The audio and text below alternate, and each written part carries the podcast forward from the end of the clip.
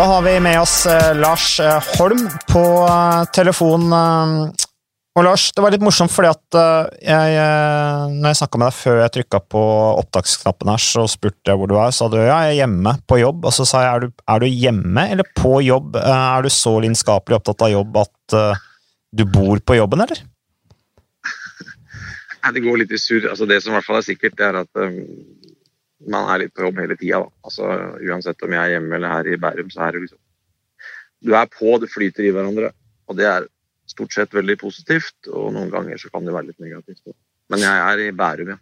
Ja, for du er, sykkel, du er sykkelansvarlig ved NTG Bærum. eh, og du er en del av trenerteamet i Uno X, og så har du lenge vært trener i Ringerike sykkelklubb. gjort en eh, kjempejobb og blitt en eh, viktig mann for norsk eh, sykkelsport. Du følger opp Hvor mange ryttere følger du opp, egentlig? Jeg har, jeg har 17, eh, 17 stykker som, som, som har meg som trener. Altså, vi har 27 elever her inne på skolen. Og så har vi tre trenere. Maximil Kørner, Gunnar Dish og jeg som er trenere. Tom Pedersen som koordinator. Eh, og vi fordeler disse utøverne oss imellom. Så jeg har elleve 11 her inne. Og, eller 12 har jeg her inne, og 5 utenom. Så jeg har 17 stykker. da. Så det er jo, det er en del. Men du er ikke personlig trener for alle? For de 17 er jeg personlig trener. ja. Det er ganske mange ryttere. Hvor, hvor er på en måte makstaket på hvor mange en trener kan følge opp før kvaliteten blir dårlig? Det blir jo feil å si at eh, det er lavere enn 17, da, hvis jeg først har sagt Da sier jeg vel implisitt at at jeg leverer dårlig kvalitet. Men eh, jeg føler vel på mange måter at det går rundt, rundt der jeg er. Og så er det veldig stor forskjell på om du kan være trener på heltid eller, eller ikke. De aller fleste trenere de er, i hvert fall i sykkel, de, de, de er ikke det på heltid. da. Så jeg ser det som en vesentlig forskjell. Tidligere, i hvert fall de første ti-tolv åra av eh, så jeg kan kalle det karrieren, så hadde jeg alltid en annen jobb ved siden av. Altså en heltidsjobb ved siden av å være sykkeltrener. Mm. Mens nå så er jo det første jeg tenker på om morgenen, det er jo akkurat det her. Da. Så jeg gjør ingenting, ingenting annet, og da føler jeg at 17 stykker er, er innafor. I skolen så jobber vi litt mer i grupper, kan du si. sånn at det, det er en Det gjør det litt enklere da, at man kan ha fellestreninger med store grupper. Mm. Men det er jo også stor Det er jo sannsynligvis ganske stor forskjell på de ulike utøverne som personer, da. Uh, hvor krevende eller hvor mye tid man må bruke på å følge de opp. Hva er din erfaring der? Nei, det er store forskjeller. Eh, Både på enkeltindivider, og det handler litt om eh, alder, selvfølgelig. Spiller en rolle, men det er stor forskjell på særlig kanskje hvor mye de kontakter meg. Jeg har noen elever som, som helst ønsker å snakke med meg eh, hver dag, og så har jeg de som, eh, som jeg må kontakte hvis vi skal snakke sammen i det hele tatt. Så det er, eh, det er store forskjeller, ja. Jeg prøver, prøver å utvikle mest mulig selvstendige utøvere, og at, de i hvert fall skal være i stand til å ta gode vurderinger hver dag sin egen trening. Da. Men jeg tenker at den, den relasjonsbygginga det er egentlig alfa og omega. Hvis du skal både utvikle gode utøvere og, og, og ikke minst være en god trener for dem, så, så må du klare å skape en, en god relasjon så fort som mulig. Mo modenhet har mye å si. Du jobber jo med mye unge utøvere. Ja. Det er masse å si, og det er jo kjempespennende. Nå er det sånn at uh, Av de 22 elevene vi har her, så bor 17 på hybel. og Mange av de har flytta langt og treffer familien sin sjelden. Så det er en ganske tøff prosess for mange 16-åringer å, å, å komme ned hit og oppleve det at de skal klare seg klare seg mer eller mindre sjøl. Så det stiller jo litt krav til oss, at vi følger opp og hjelper til eh, med det vi kan. Fremst så stiller det store krav til, til dem. da. Men jeg syns det, må si, det går overraskende bra med, med mange, med tanke på at de er unge og, og får mye ansvar tidlig i livet. Da. Det slår meg, Lars, at du er litt sånn Jeg oppfatter deg som en sånn type som er litt mer sånn lyttende. Uh, mer enn du er en fyr som forteller folk hva som uh, hva de skal gjøre. Hvordan vil du beskrive deg selv som, eh, som trener? Ja, det er i hvert fall hyggelig at du oppfatter det sånn. Synes jeg. Det er, jo, det er jo det jeg ønsker å være. Og så er det kanskje også en sånn Kall det gjerne en modningsprosess som trener. da. At jeg i hvert fall i større og større grad eh, prøver å være en sånn type som ikke nødvendigvis sitter med alle svar, men, men, men, men prøver å finne svaret i utøveren sjøl. At man på en måte skal vi jobber mer i eh, i litt sånn likeverdig relasjon med utøveren. Da. At, at, at man liksom ikke ser på treneren som oraklet med alle svarene, men at, at treneren er en type man kan uh, sparre med. Og, og, gjerne tørre å komme med mest mulig egne meninger uten å altså bli møtt med forståelse. Så jeg håper jo at det, at det er sånn, og så må jo elevene egentlig svare på om det, om det er sånn i virkeligheten. Men det blir jo en del psykologi. Uh, føler du noen ganger at du er psykolog, eller? Um, ja, i hvert fall at det at du har uh, altså gode egenskaper i relasjon med andre, at, at, det, at, det, er innmari viktig. Jeg har en, sånn, en, en, en liten uh, utdannelse i hvert fall innenfor organisasjonspsykologi som jeg føler at har vært veldig nyttig for meg. Det jeg tok et ti-vekttall en gang i tida i i det. Da føler at akkurat det har vært kanskje det mest nyttige jeg har gjort av, av utdannelse. Det er liksom ja, Som du sier, da, lære, lære å lytte mer. Altså, jeg, jo, jeg, er jo fryktelig ivrig. Hvis jeg føler at det er noe jeg kan, så er jeg, jeg som de fleste andre veldig ivrig på å fortelle. Mm. Fortelle hva jeg mener er rett, og fortelle hva jeg tror er, er, er riktig vei å gå og riktig ting å gjøre. Og det gjør jeg også i stor grad, men, men det er jo litt sånn at når vi to snakker sammen, så eller når man har en samtale med noen, så ønsker man å få lov til å slippe til sjøl. Sånn er det med utøverne. at Hvis utøveren ikke slipper til med egne meninger, så blir de sannsynligvis ikke selvstendige utøvere heller. Så det prøver jeg å tenke på. Prøver å minne meg sjøl på at det er viktig. Mm. Jeg husker, eh, jeg husker du sier jo at du er innledningen her når vi snakker sammen, at du er lidenskapelig opptatt av det du gjør. Eh, jeg tulla litt med deg når du sa litt feil, at du sa at liksom, jeg er hjemme på jobb. Uh, men jeg husker jo min mor da min far var trener. Så husker jeg hun noen gang ble litt lei av utøverne. Hun syntes at de ringte han til alle tides, døgnets tider, og, og, og at det ble Ja, det ble for mye, da. Så jeg husker det var noen eh, runder hjemme der. Hvordan er det? Klarer du liksom å skille, skille den trenerrollen og kontakten med utøverne, så det ikke skjer i tide og utide? At de har på en måte respekt for, for ditt private og familieliv? Um, svaret er nok uh, nei. Det klarer jeg ikke. Det er ikke, ikke, ikke noe god ikke noe god til, eh, rett og slett. Og jeg tror på en måte at eh, skal du, skal du lykkes, så er jo tilgjengelighet kanskje noe av, noe av, det som er aller viktigste også. Og Det betyr ikke at jeg setter meg sjøl helt på sidelinja. Det gjør jeg ikke. Og jeg, har, jeg er flinkere, flinkere i dag. Jeg har en sønn på 13 som ønsker å være mye sammen med meg fortsatt. Da. Det varer kanskje et år eller to til. Eh, men jeg, har jeg må jo si at jeg har, jeg har forsaka mye familieliv og forsaka mye tid med han og familien min for å være sammen med utøvere. Og for å snakke med utøvere og andre trenere, ikke minst. På telefon, da, på kveldstid og på, i helger og i ferier og helligdager. Og man skiller liksom ikke så veldig på på uh, Hva skal jeg si um, Ukedag, helligdag. Når man er trener. Det kan man egentlig ikke gjøre heller. Så svaret er at jeg er ikke noe flink til det. Så jeg kjenner meg igjen i den beskrivelsen som du gir av familieforholdet hjemme hos deg sjøl. Er man, liksom, er man, først lidenskapelig opptatt av det, så, så, gleder du deg til å snakke med utøverne. Du har lyst til å snakke med henne når du ringer. Og det er mange ganger jeg kan si til min sønn at uh, det var Andreas som liksom for å forklare at dette er viktig, da. Eller dette var Søren som ringte, eller det var ja, hvem det måtte være. Og så ser jeg jo at han på en måte han bryr seg svært lite om enn jeg skryter litt av utøverne da, til sønnen min og prøver å få han liksom litt sånn entusiastisk til det jeg holder på med. Og det, det er ikke så ofte jeg når fram med det. Han syns ikke dette er like kult som jeg syns. Ok, Så han er ikke interessert i sykkel, eh, spesielt interessert i sykkel selv? Sønnen din?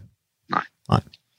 Han sykler, og han er medlem av Ringerike sykkelklubb og er på trening og, og, og, og syns det er gøy å være med der og trene. Men når jeg f.eks. For foreslår, og det har jeg gjort ganske mange ganger, snakker om at mulighetene for at han kanskje kan begynne på NTG når han blir 16, for det kunne jeg godt tenkt meg, så, så har han vært veldig tydelig på at det er helt uaktuelt å gå på sykkellinja her. Hm. Jeg tror han fikk veldig mye jeg fikk litt sånn overdose. Han har vært med på mange samlinger om veldig mye riktig mat til Tina også. Uh, mammaen hans var sykla aktivt hele oppveksten hans. Ja, hun har NM-gull, har hun ikke det? Jo da, hun har flere, flere NM-gull. Hmm. Et, et, på tempo, blant annet, som, som veldig som topp, toppunkt i karrieren. 2014, tror jeg det var. Hmm. Så det var bra. Men Lars, eh, tilbake til med trenerrollen. Eh, altså, dagens teknologi gjør at muliggjør en del måter å følge opp på, da.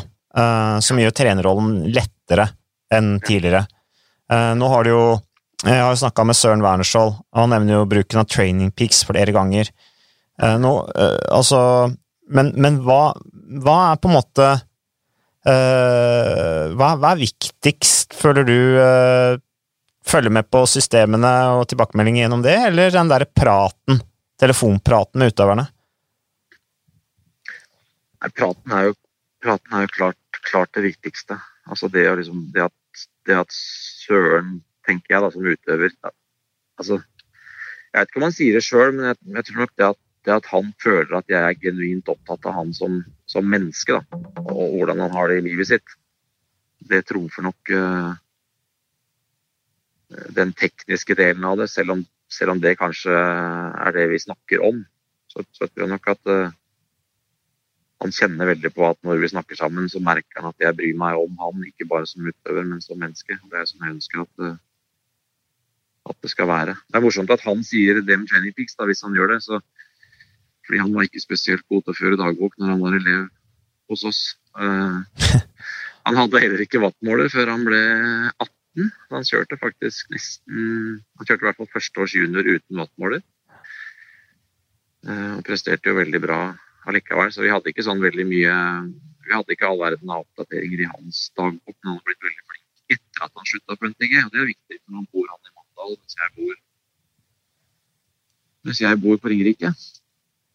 Sånn at uh, nå, er det, nå er det en viktig del av det. Det er kanskje derfor han har blitt flinkere til å føre dagbok, da? Og legge inn i systemet fordi at dere har ikke den menneskelige kontakten lenger? Ja, jeg tror kanskje det. det han sier jo også at da, da, møttes vi jo uansett hver dag.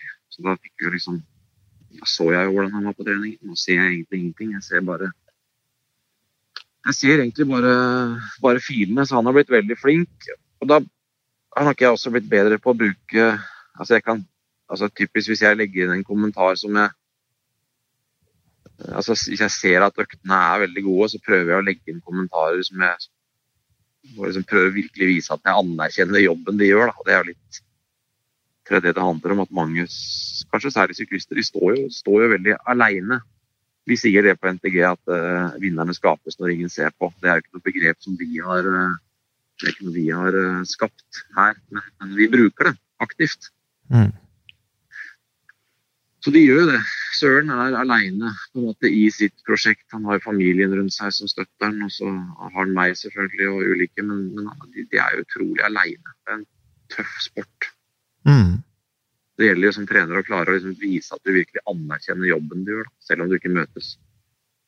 Jeg liker det begrepet der, for det, jo, det handler noe med hverdagen, ikke sant? Uh, ja. Livsstilen din. Gjøre jobben hver dag. Ja, repetere, repetere, repetere. Um, så Altså, du vet jo uh, hvor hardt det er. Ja. Og liksom gjøre jobben like bra hver dag, selv om du ikke nødvendigvis får den rosen og anerkjennelsen, og i hvert fall ikke resultatene. De, jo, de er jo ofte veldig langt fram. Men uh, når jeg snakka med Søren nå, så han vil jo han, Hans ønske er å bli en mest mulig selvstendig utøver, da. Um, som vi var litt inne på. Um, og, og, og, jeg spurte han litt med liksom, relasjonen til deg og hva slags type kontakt han hadde med deg, og da var det jo mer det der at hvis han følte seg dårlig en dag, eller hvis han følte seg sliten, var usikker på, på dagsformen, da. At han ringte deg for å ha en, en, liten diskusjon med deg, høre hva du sa. Og noen ganger så sa han at ja da ja, Press er kanskje feil ord å bruke, men han sa at du pusha det gjennom, da. At han, sånn at han skulle gjennomføre den økta dere hadde blitt planlagt. Uh, og så, at det varierte, da, selvfølgelig. Um, men uh, men uh, målet for en trener er vel egentlig at man skal bli overflødig. Det er jo det min far alltid har sagt, at målet til treneren er å bli overflødig. Um, hva tenker du om det? Jeg vet ikke om jeg, jeg, vet ikke om jeg er enig helt, men, men jeg, jeg, tror på en måte at de aller fleste utøvere har godt av å ha en trener ved sin side. Det er i hvert fall noen å spare med. Men uh, jeg skjønner jo hva han mener. Uh, Søren er absolutt en selvstendig utøver. Altså på noen områder så er han ekstremt selvstendig. Med utstyr, med forberedelser, med særlig alt det materiellet han bruker og trenger. Uh, og han er nok en type som Jeg syns du har spurt meg om sammenligne han type Andreas, så vil jeg sagt Søren kanskje jeg oftere har pressa igjennom. Mens når Andreas sier at han ikke føler det bra gjennom, så sier jeg at da, da skal du absolutt ikke gjøre det heller. Søren er flink til å kjenne etter, da. Mm. Og flink til å vite når det er, når det er feil å presse gjennom en intervalløkt. Og det, det presser jeg aldri gjennom. Men jeg si at du kan kjøre en rolig økt framfor å kjøre en intervalløkt. Det er ofte det det, det spørsmålet er. Skal jeg kjøre skal jeg føle meg, føle meg bra? Høy andel av intervaller i sin treningsplan? Så er det bra at han kjenner etter. Jeg hører litt utydelig nå, Lars, så du må snakke inn i, i telefonen. Men angående, ja. du, du, trener jo altså på toppnivå, altså topprytterne, da. Eh, du trener liksom eh, de mest kjente i Sykkel-Norge, så er det altså Søren Wernskjold, og så er det Andreas Leknessund, som jo for øvrig sykler på hvert sitt De er jo konkurrenter i hvert sitt lag, eh, Andreas i Uno X og, og, og, Søren i, i Joker Fuel Norway. Hvilke andre utøvere trener du? Torstein Tren. Mm. Jeg har uh, Jonas Iversby Widerberg, uh, også under X, da. Også Magnus Brynestrud. som er i Darebikes og Ringerike sykkelklubb. Som også er en veldig spennende klatrer som jeg har veldig tro på i åra som kommer. Så det er, det er de jeg har uh, utenom NTG, da. Også på, I NTG så har du jo Oskar Johannesson, uh, Grimstad-rytter, som også ser ut til å bli en skikkelig kanon. Um, ja, det er spennende. Han var akkurat på døra her og banka på. Nye Tor Hushovd og Dag Otto Lauritzen er kanskje mer Tor Hushovd enn Dag Otto Lauritzen, eller? Ja, helt klart mer, mer Tor Hushovd. Han er faktisk veldig god på tempo. Han går mer enn brukbart oppover til å være en stor, kraftig rytter og har jo en, en klassespurt, så jeg vil si mange likhetstrekk med Thor. Nå skal jeg presisere det at det er Gunnar Dish som er Oskar sin, Oscar sin personlige trener, så jeg skal ikke ta på meg æren. Altså, vi, er, vi, vi, jobber i team, så vil si at vi, jobber med alle elevene på NTG. Men det er Gunnar som er Oskar sin trener. Ok, nettopp. Ja. ja. Uh, men uh, nå har vi, kjøret, har vi gjennomført disse tempotestene. Vi har altså kjørt mandag var det 30 km hvor det ble suveren ny norsk rekord til Søren Wernskjold. 10 km gikk ikke like bra, og jeg snakka med Søren, og han sa jo det at han har slitt med å sove, ikke så mye pga. adrenalin og alt det der, men fordi at han var skuffa over at det ikke ble noen ny rekord. da. Eh, de er jo vinnerskaller, disse gutta, så det er jo godt å, å høre at han reagerer sånn. Og så er denne 50 km som muligens ble flytta til søndag pga. Av, av været som jo holdes av, av Reidar Borgersen. Men hvordan vil du beskrive utviklingen av norske tempotalenter de siste årene? Virker som det kommer opp en ganske bra generasjon der? Ja, det gjør det. Uh, absolutt. Og Altså det ene er jo altså den fokuset på kapasitetsutvikling som, som, på en måte må ligge i bånn. Uh, som jeg syns vi har vært gode på i norsk sykkel i jeg vil si, mange år. Og så er jo det med tempo, det handler jo om å bare altså For det første sitte mye på den sykkelen. Da. Og det, der syns jeg vi har vært flinke. Eh, jeg syns vi har vært spesielt flinke. også. skal ikke si så mye om hva andre gjør, men det vet jeg. Søren Wernskjold sier jo Unnskyld at jeg avbryter, Lars, men Søren, Søren sier jo det av koronatida nå. Eh, så har jo han sittet mye mer på temposykkelen, og det ser jo ut som at han har fått et løft på tempo, så det er kanskje ikke noe tilfeldighet. Jo, det kreves kanskje en viss spesialisering? Ja, ja. ja definitivt. Du må, du må, sitte mye på han. Det Søren ikke tenker så mye over, det er at han må, han må til enhver tid overtales til å sitte mye på den, på den temposykkelen. Overtales til å tro at det er mulig å kjøre for medalje på NM Tempo, for det tror ikke han når vi snart begynner å snakke om dette her eh, i desember. Ok, Så han ser ikke på seg selv som en temporytter? Han ser ikke han, Altså fram til nå, da. Hvis du spør han i dag, så vil han jo si noe helt annet. Men fram til eh, dagen før vi kjørte, kjørte 30 km, så ville han sagt at det var umulig for han å utfordre Andreas Leknessund på en tempo. Og det var jo også en overraskelse, vil jeg påstå, for mange sykkelkjennere at han slo Andreas Leknessund. Uh, nå var jo for øvrig alle de tre gutta under norgesrekorden, da. Knotten, uh, Leknessund og, og, og Wernskjold. Men uh, jeg vil jo si at det var litt overraskende at Leknessund ble slått. Hva var din reaksjon? Um, ja Du trener jo begge? Fram, fram til siste uka før. altså Jeg ser jo på tallene til Søren de siste ti dagene. så ja, har jeg sagt, både sagt og skrevet til flere jeg snakker med, at uh, det er fullt mulig for Søren å, å, å slå de gutta på den premien. Så, at, uh, så overraskende var det ikke. Men det, uh, du vet jo hvor bra både Andreas og Knotten er, så, så litt overraskende er det selvfølgelig. Det er første gang det skjer også. Da slår Andreas på Mm. Men desto mer gøy da, og bra for de andre gutta at det kommer opp noen som gjør at de må heve seg ytterligere. Det er, veldig, det er en kul utvikling. Søren var så vidt inne på topp ti på NM Tempo i fjor. Så det har vært en veldig bra, ja, han, var jo, han var jo nesten 2,50 bak Leknessund i tempo-NM i fjor, ja, så ja.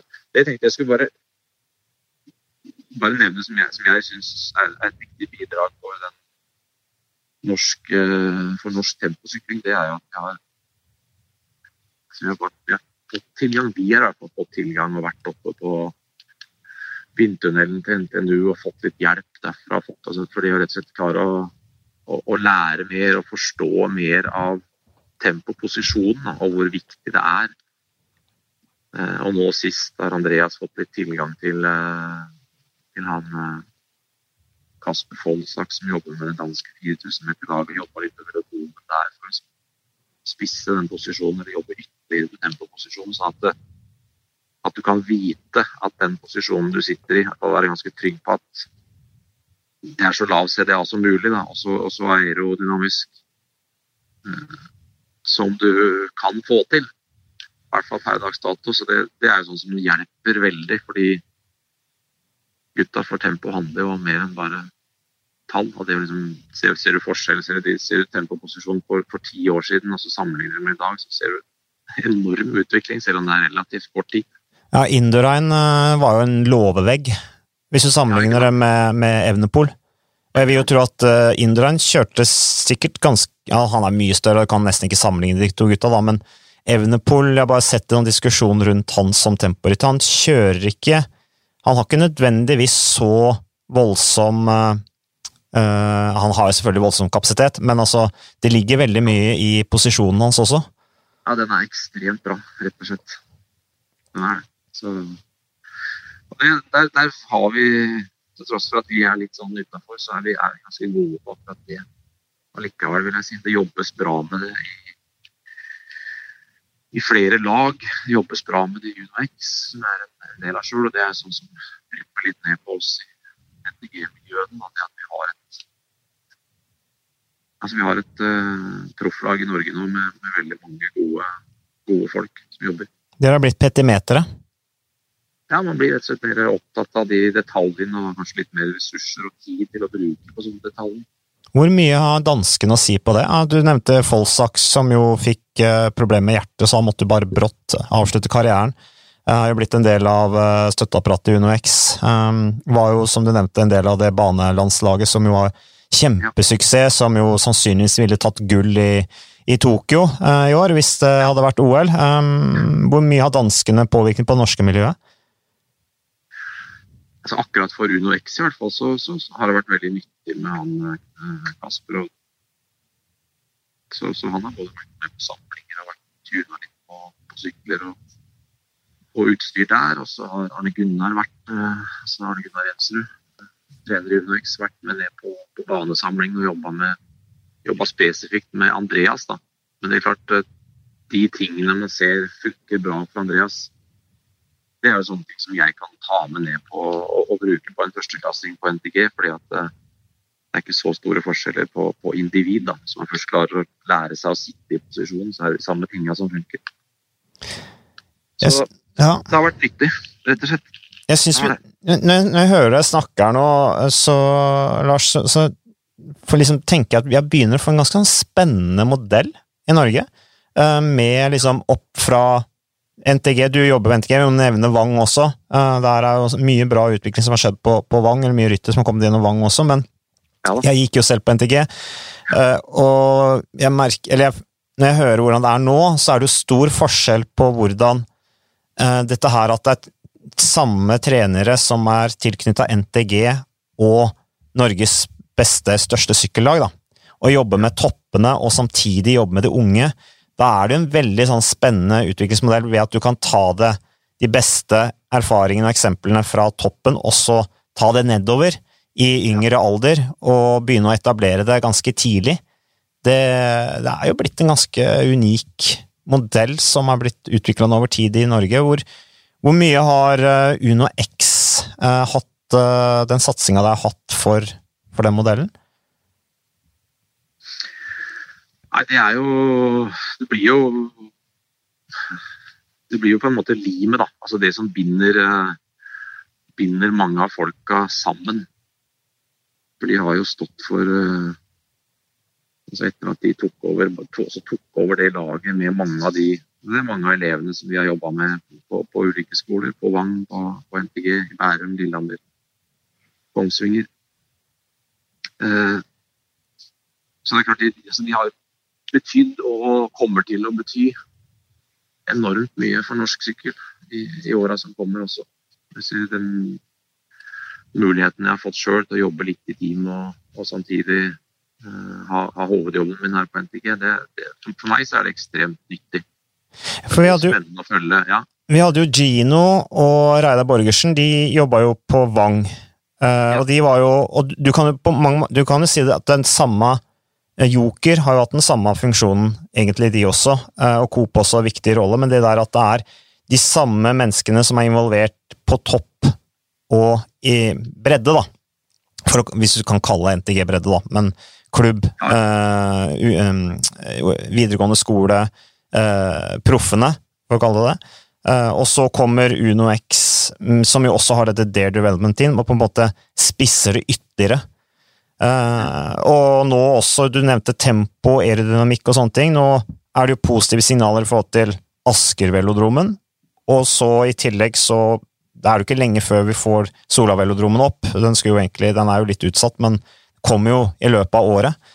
Så her er det jo virkelig mulig, muligheter for å spisse også temposykling og, og, bruke banen og i det hele tatt eh, bygge spennende utviklingssentre i framtida. Ja, det blir kjempespennende når du ser hva, hva banesykling har gjort for en del av det som er de klart beste sykkelnasjonene, så se på Danmark og se hva Danmark får til. Eh, så syns jeg jo Jeg ser at mange av de gode danske syklistene de, de, har jo de har vært innom banen og, og, og bruker banen mye på, på vinteren.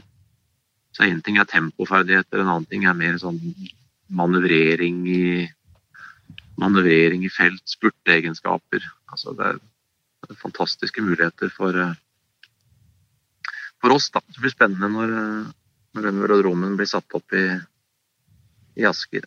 Og for Stavanger-regionen så blir det jo helt, helt strålende, selvfølgelig. Vi skal snart... Vi har jo mulighet til å sykle hele vinteren. Ja, ikke sant. Vi skal snart gi oss nå, Lars, men uh, Ja. Tilbake til dette rekordforsøket og dette at du følger opp både Andreas Leknesund og Søren Wernskjold, som jo er veldig aktuelle i den sammenheng. Hvordan Begge kjørte jo 30 km, ganske møre i beina etter det, og så kjører de 10 km i går.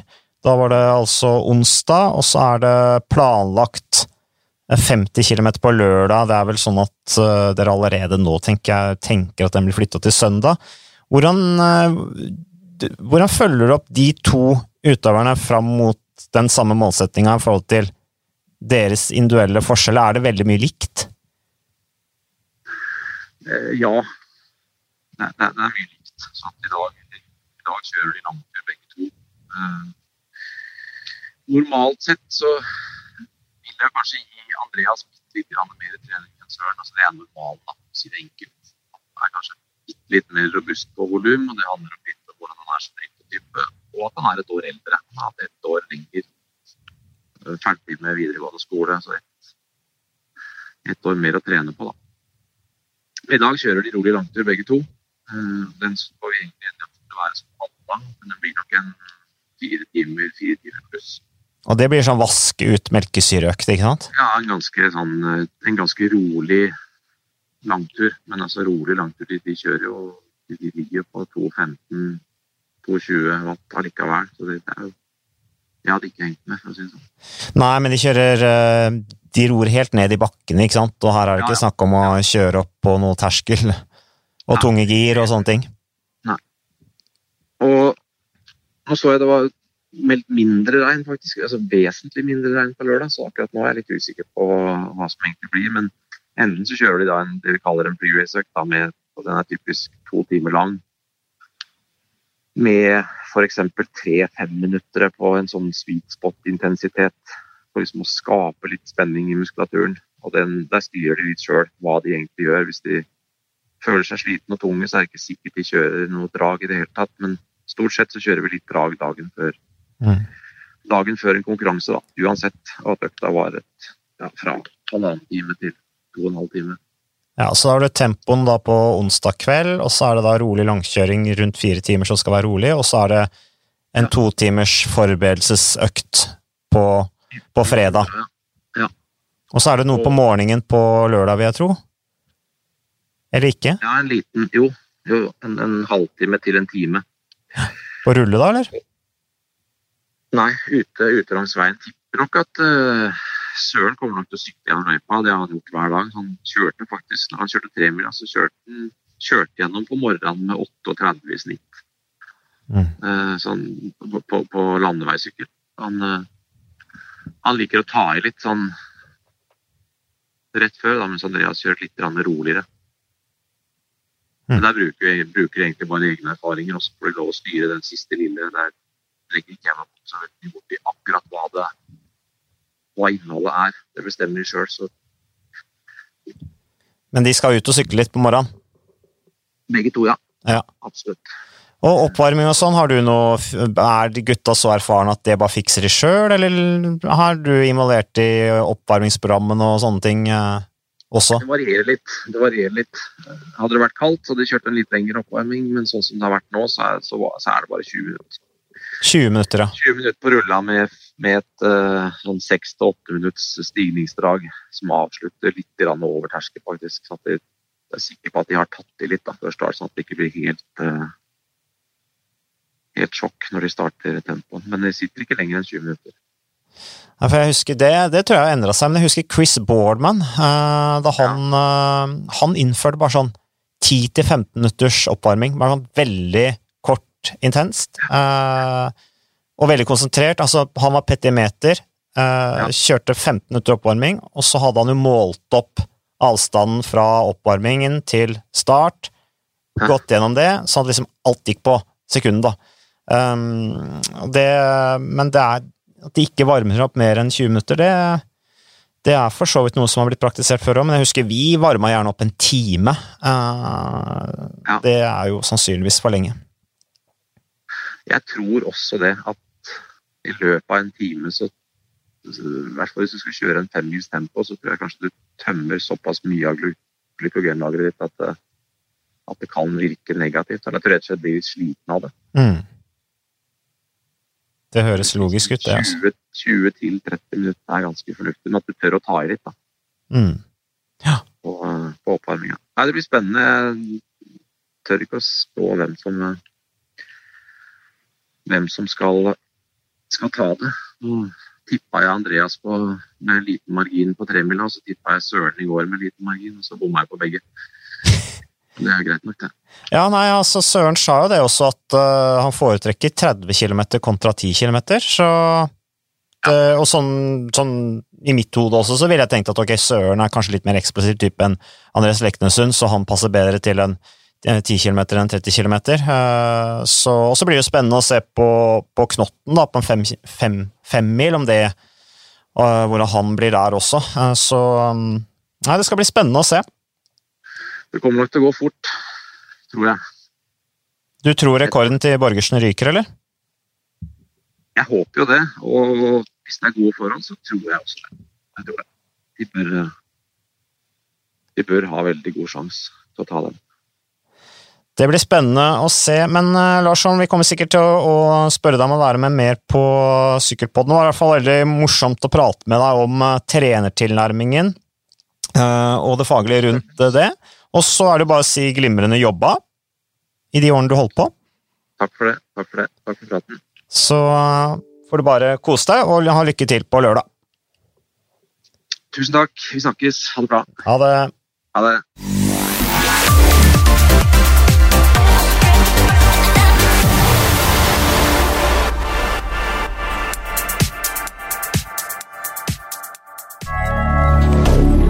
Moderne media.